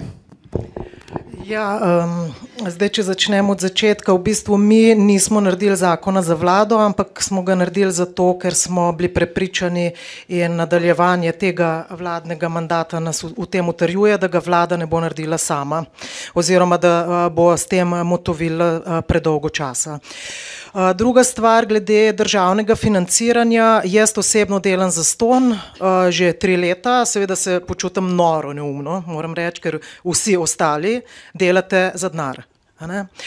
Uh, zakaj sem se prijavila na razpis za uh, svet za sovražni govor? Zato, ker je bila to neka tema, s katero smo se ukvarjali. CNVOS je uh, podal razpis za tri mesta, potem se nas je prijavil pet in ker po mojem nihče ni imel interesa, ker je to spet ena stvar, ki je na pol za ston, za me v celoti za ston, ker smo se, se, se odpovedali, zato ker ne želimo utrjevati kogarkoli pa mu dajati priložnosti, da bi um, nam karkoli učitev. Skratka, je potem narasla ta številka za civilno družbo na pet in vseh pet smo zdaj pač noter v tem svetu. Torej, obžalujem, da se pač drugi strokovnjaki na to področje ne prijavljajo in v bistvu se prijavljajo na plačane pozicije.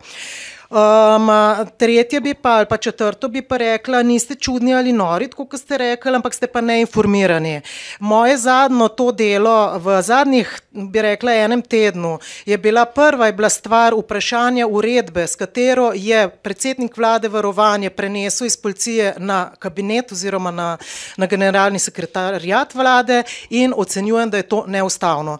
Kje ste vi to napisali, ali ste se investirali v svojem prostem času, ne vem. Drugo je pa bilo um, dva dni nazaj, v pol osmih zvečer, sem se vprašala, kjer, kjer nori ali čudni človek na tem svetu še to dela, da sem analizirala uh, amandmaje in predlagano zakonodajo z področja političnih strank, kjer so si politične stranke vse v soglasju razdelile krat dva denarja za prihodnost in spremenile nekoliko formulo. SDS se je pri tem seveda um, vzdržala, ampak seveda, kot sem jaz temu rekla, vzdržala in mošniček držala. Uh, Skratka, jaz prepoznavam oblast kot nekaj, kar v bistvu potrebuje kontrolo. In v tem smislu bi si želela, da bi na tem delali skupaj, zato ker mi dva sva, ne vem, če vi eh, enako mislite, ampak mi dva sva zdaj na isti strani. Lahko samo, da ne eh, pač dost spremljava tega, kar eden in drugi dela, ampak mislim, da zdaj imamo mi res zelo močno eh, koalicijo, zelo močno vladajočo stranko, ki potrebuje res veliko um, oblast, uh, kontrole, zlasti zato, ker ne dela na isti način, ki bi bil tako zelo lahek, kot je bil za civilno družbo kontrola prejšnje oblasti. To je, uh, prejšnja oblast je bila la, uh, lahka za kontrolirati, ker je bila, bi rekla, kot slon v trgovini z demokracijo. Uh, ta pa ni takšna. In zato rabi še veliko več uh, sodelovanja na strani civilne družbe, ker jaz mislim, da pač nimate prav, da jo pri nas ni. Sej tudi vi ste del civilne družbe, sej to ni, da, da so ločnice stroge. Da, ja. uh, Najmanj, kar je sta, ja, no, še Lenar, seveda. Uh, pa spet tale mali heca mikrofon. Ne, pa še jaz bi nekaj tukaj dodal. No, ta, ta fama, ki se ustvarja o tem, da kako medijska ali pa novinarska pa ta stroka ne opozarja, ko je ena, pa ki druga. Pa to, to je res fama zaradi tega, ker če recimo delaš kot raziskovalec, če vzameš v zadnjih 20 letih recimo gradiva, ki so bila narejena na tem področju, res vidiš, da je vse noter. V smislu, če greš gledat magnetograme v državnem zboru, ko se je spremenil zakon o RTV tam pred časom, pa kakšne so bile debate o tem, kaj početi in na kakšen način speljati proces privatizacije, a medije vključiti v to ali ne, uh, mislim, medijska podjetja, uh, ali uh, mislim, kje, kje je zakonodaja škripala, kje recimo je bila institucionalna avtonomija premalo zagarantirana, kje varovalke bi morala država uvesti, da bi bilo bolje.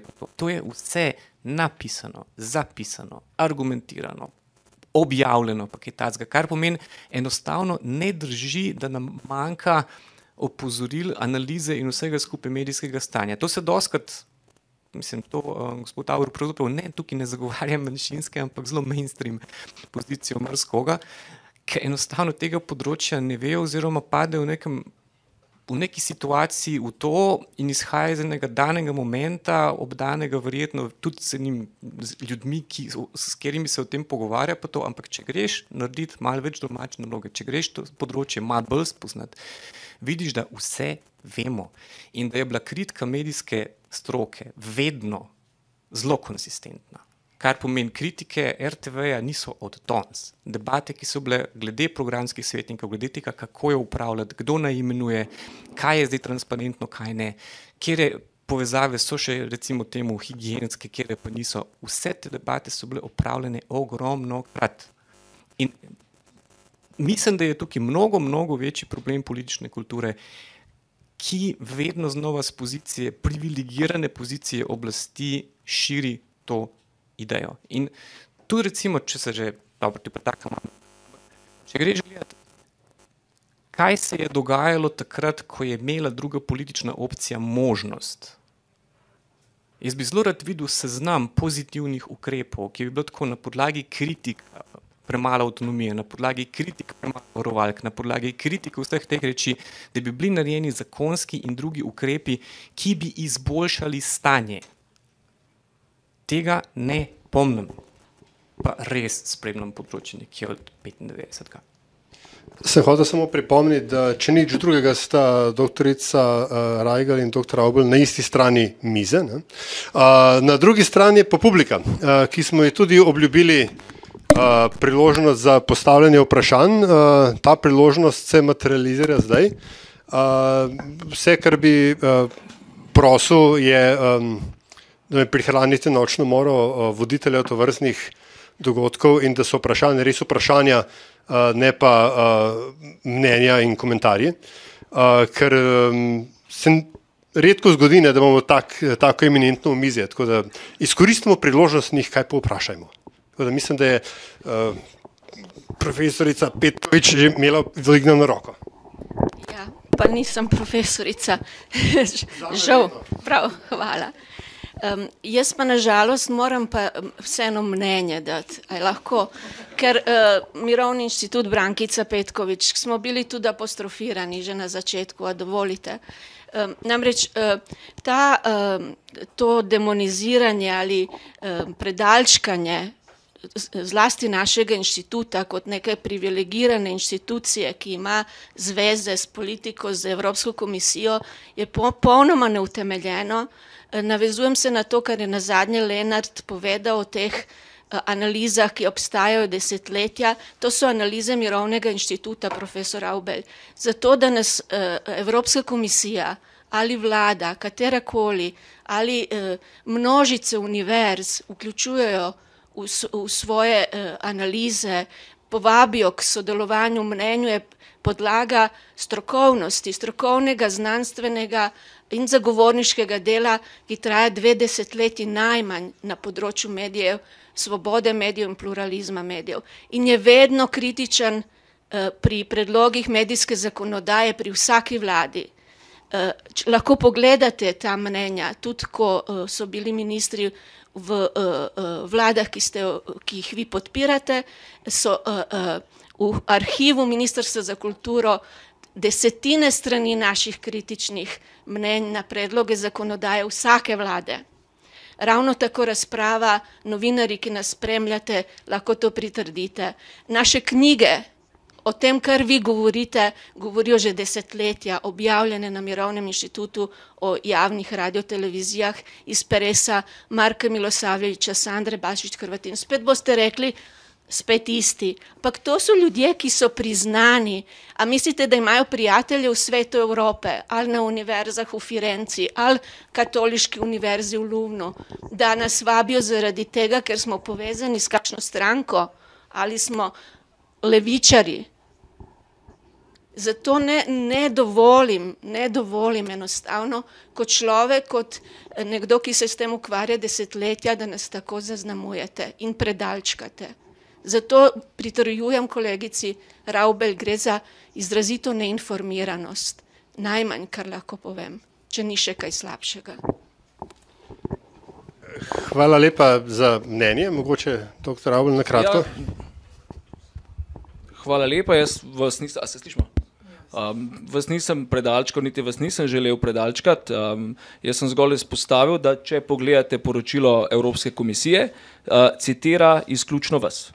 In v tem, v, konk v konkretnem primeru zadeve RTV, menim, da ste ustavno pravno stali na pravno napačnem stališču. In to je problem. In druga stran, ki je zastopala neko drugo stališče, v tem poročilu ni dobila svojega, ni, ni dobila svojega uh, prostora. Ha, hi, hitra replika, potem gremo pa naprej, prosim. Lepo.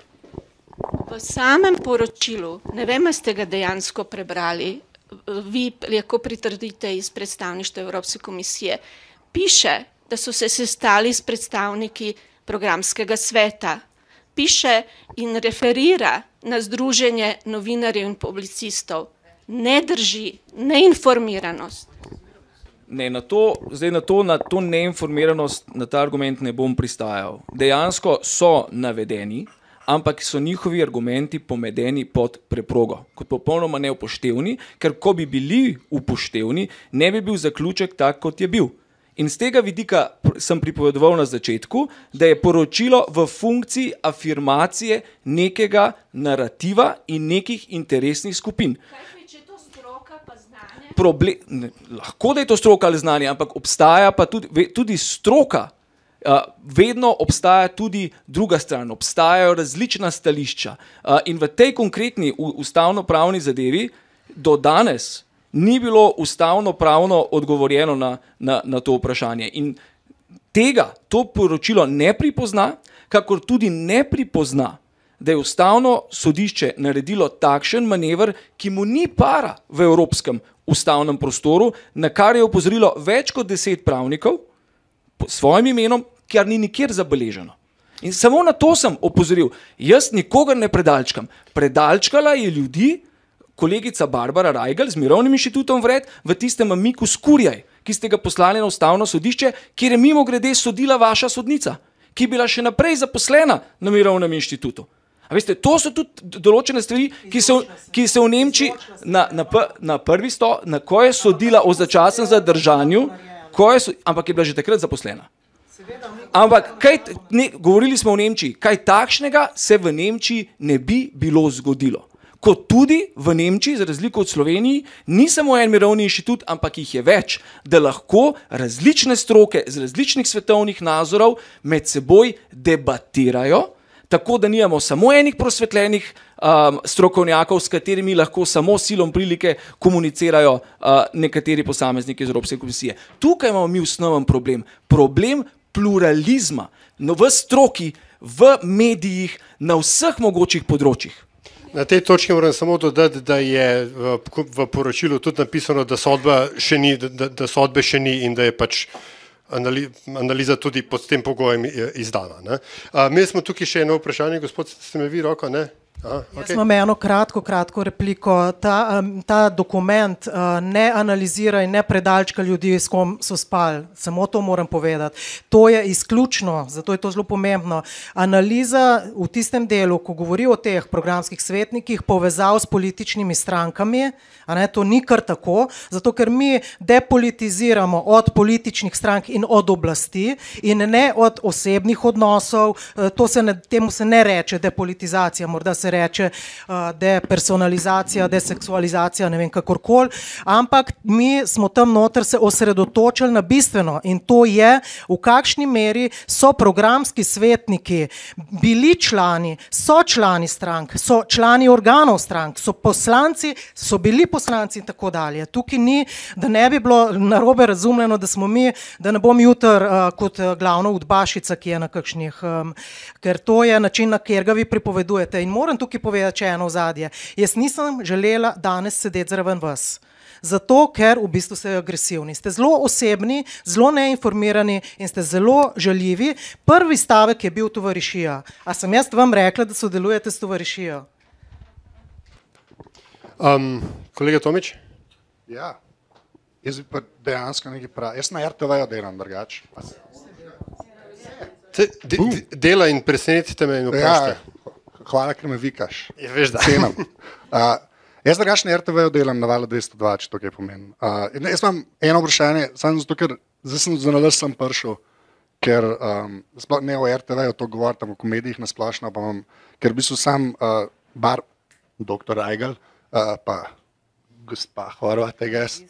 Magistr, hvala, magistr Horvat.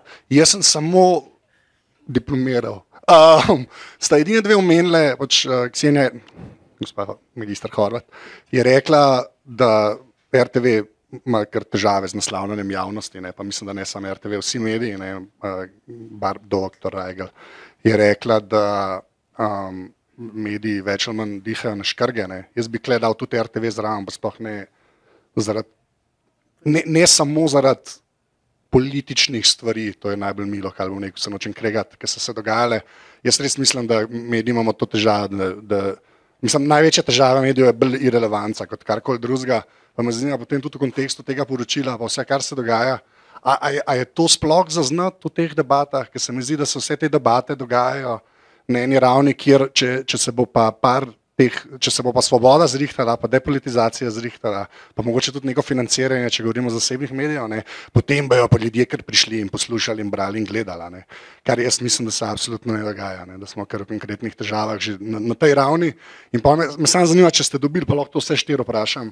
Uh, ne, če, če imate občutek, da, se, da, se, da, da je to tudi vidik, ki se tukaj na kakršen koli način naslavlja, pa ne samo v poročilu, ampak v medijskih debatah na splošno, no, ki se mi zdi tako zelo Zdaj pa civilna družba kot medijski delavec ali karkoli sem, res doskrat izpade, da se pogovarjajo o stvarih, ki bi bile mogoče 30 let nazaj zelo relevantne, kar se tiče pa odnosa med mediji in javnostjo, ki bi jo mogli nagovarjati, pa če smo to mi javni mediji, ne, ki moramo za malo več poskrbeti, ali pa komercialni mediji. Ne, te, to pa kle vedno manjka.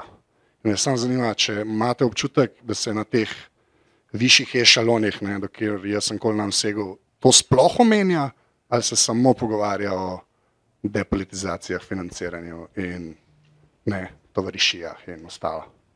Magistra Horvat, jaz se upravičujem, nisem vedel za, za akademski naziv. Prosim, če meni rečeš, uni dipel, to neč pa, kaj sem jaz. Res ga ne izpostavljam. Zame si vedno sultan, tako da, ja. Um, Jaz verjetno predvidevam, da to ni temeljni namen zdaj poročila o pravni državi. Moram pa reči, da sem zaznala notr na več, uh, na več mestih, ne samo pri Sloveniji tudi to splošno zaznavo, da javni mediji, tako kot vsi drugi mediji, seveda imajo problem, ki ga vi omenjate. Ampak zdaj bi pa jaz to isto stvar bi obrnila. Mislim, da se uh, eh, RTV s tem vprašanjem, ki sem ga prej omenila, pa ste ga vi zdaj ponovili, pravzaprav ne ukvarja že zadnjih, recimo temu 30 let. Ne? Tega ne zna zagrabiti kot resno strokovno vprašanje, ki bo obdržalo RTV nad vodo in ji bo še vdahnilo mogoče zadnjo injekcijo relevantnosti, preden potone nekaj vsemi drugimi javnimi servisi, ki tega ne znajo nasloviti.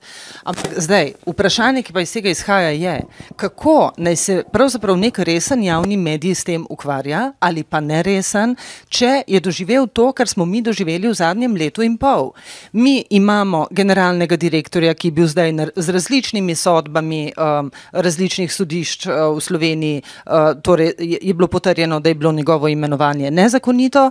Direktor televizije je prišel direktno z UKOM-a v času prejšnje vlade in je bil, uh, in je, je bil jasno povezan z um, torej, uh, prejšnjo vladno stranko, z SDS-om. Imamo odgovorno urednico, ki je ni podprl praktično nihče v uredništvu. Uh, delamo, uh, pravzaprav imamo program, ki je izrazito nevoden v zadnjem letu in pol in ne naslavlja uh, niti uh, več osnovnih standardov poročanja, kaj šele daljnosežnih vprašanj, s katerimi bi se mi morali ukvarjati. Imamo primere, s katerimi se zdaj novinari ukvarjamo več, kot s tem, s čemer bi se v resnici morali upravljati, z raziskovanjem in naslavljanjem tem vprašanj, raziskovati medijski trg, se ukvarjati s katerimi zgodbami, kje smo premalo prodorni, česa ne pokrivamo, kam gremo, ker se ukvarjamo s tem, zakaj, zakaj nekateri ljudje že v zadnje leto in pol čudežno zginevajo iz uh, planov dela, iz urednikovanja odmevov, iz urednikovanja dnevnikov, zakaj tja pridejo samo ljudje, ki so po volji ljudi, ki sem jih prej naštela, ki so prišli bodi si po politični funkciji ali pa so bili nezakonito imenovani na svoja mesta. Ukvarjamo se s primeri mobinga, ki na RTV-ju so, pa generalni direktor ne, po, ne podpiše še tiste končne odločbe, ki bi jo moral vedeti generalnega direktorja. Tako je v zadnjem letu in pol. Seveda pa RTV in to vsi vemo, doživlja te probleme zadnjih 30 let, je pa res, da ta močan. Tak močan strankarski napad na RTV se nikoli ni zgodil kot ravno ta v zadnjem letu in pol. RTV je vedno nekako nesrečno tam lebdela v um, nekem natezanju med tako imenovano levico in tako imenovano desnico. Odvisno, kdo je bil na oblasti, si je vedno skušal izboriti tam nekje neki kolač. Uh, nikoli se v resnici nismo ukvarjali z, z realnimi, resnimi problemi, ampak s tem političnim natezanjem poleg vsega drugega pa s popolnim izčrpavanjem uh, eh, RTV-ja. Zdaj pa vi meni povejte, ja, nimamo takih ljudi, kot jih imajo uh, na nemški javni televiziji, nimamo jih. Mi smo tudi recimo desetkrat slabše plačani od tistih ljudi, če smo že pri tem. Kvalitetni ljudje nam uhajajo v druge medije, ne samo zaradi denarja, ampak zaradi neuzdržnih pogojev, ki jih ustvarja ravno politični razkol, uh, ki se potem pozna na našem delu. Če pogledate primer ORF-a, ki je nam v, tako recimo v nekem, nekih političnih kontekstih bližje, se strinjava, Nemčija je ideal, To sem že prej rekla, ampak poglejmo ORF. Kaj tam pravijo ljudje? Naprimer, iz, imenovan je nov generalni direktor, podobno kot pri nas pred časom. Ta človek je bil imenovan, je, od, uh, imenovan je bil z odločilno podporo predstavnikov ljudske stranke v njihovem programskem svetu. In je nastal potem zdaj tam kažin. Seveda bil je imenovan, to se bo sprem, ne vem, zamenjal bo vse, spremenila se bo uredniška politika in tako naprej. Nič se ni spremenilo, zaradi tega, ker tisti človek, ki je bil imenovan, seveda seveda zelo spinceto uh, uh, ureja uh, po vseh pravilih igre, um, um, torej imenovanje odgovornih urednikov, vodenje programske politike in tako naprej, oziroma se v, te, v to ne upleta, ker se pravzaprav sploh ne bi smel. Ampak imajo tam tudi varovalke, ki pri nas manjkajo in tem se verjetno strinjamo z gospodom Avljem ali pa z Brankico, ki se ukvarja z medijem sto let. Uh, Klaus Unterberger z ORF-a je nedavno dejal, naša glavna varovalka so resni, sposobni, profesionalno samozavestni novinari, ki znajo reči ne, ko pride do nespodobnih ma niti ne vprašanj, pobud, ko pride do namigov tega, da bi v bistvu morali biti dirigirano pristranski, da bi morali nekaj početi. Ne? Ampak kaj to pomeni? Tam je nek ORF vendar nastajal nekaj časa. Pri nas je ta, recimo temu, de, departizacija in ne, neko nestrankovsko delovanje uh, RTV-ja staro šele 30 let.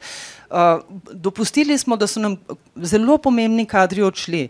Uh, kadrovsko upostošena, finančno izčrpana hiša uh, se, se ne zna tako dobro upirati strankarskim pritiskom, pa ne glede na to, gre za uh, politični pritisk Jana Zajanše ali pa Roberta Goloba. Uh, tako da jaz jemljem z nekoliko soli to, kar vi govorite. Jaz mislim, da je izjemno pomembno, da bi se ljudje zdaj, mislim, pogovarjali. Ja, seveda se je dobro pogovarjati, ampak jaz mislim, da bi morali prisluhniti uh, ljudem, ki vam dajo vem, točne podatke, ki vam dajo analize, ki vam povejo, kako gredo stvari. Uh, Ja, seveda, zdaj je ena kritična situacija pri nas, ampak veste, kaj je najhujše pri tem, da je ta situacija tako kritična? Najhujše je to, da gledalci od te javne RTV nimajo več nič kar kažejo raziskave ogledanosti, kar, pada, eh, kar dokazujejo padanje ogleda RTV-ja. In ta izredni strankarski prevzem, ki se je zgodil v tem letu in pol, je pripeljal. RT, ne govorimo o celotnem RTV, na valu 202 vi delujete sorazmerno, mirno, že nekaj časa. Vem, imate pridržke. Govorim predvsem o informativnem programu Televizije Slovenija. Pripeljal je do pogorišča do pogorišča. In to je edina stvar, ki jo jaz uh, izjemno resno zamerim temu strankarskemu prevzemu. To je najhujše. Mene ne motijo, ne vem, marsikaj me ne moti to, da pa gledalcem nismo več sposobni dajati to, kar bi morali dajati, to je pa hud problem, ki nas bo na koncu tudi pokopal.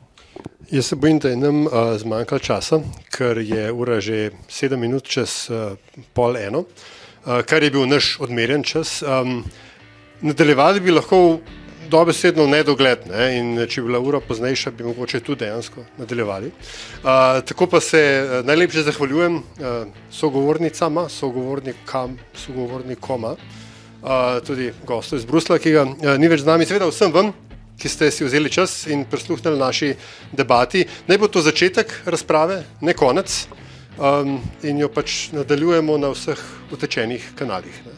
Kako že, če ne prej, se vidimo naslednjič.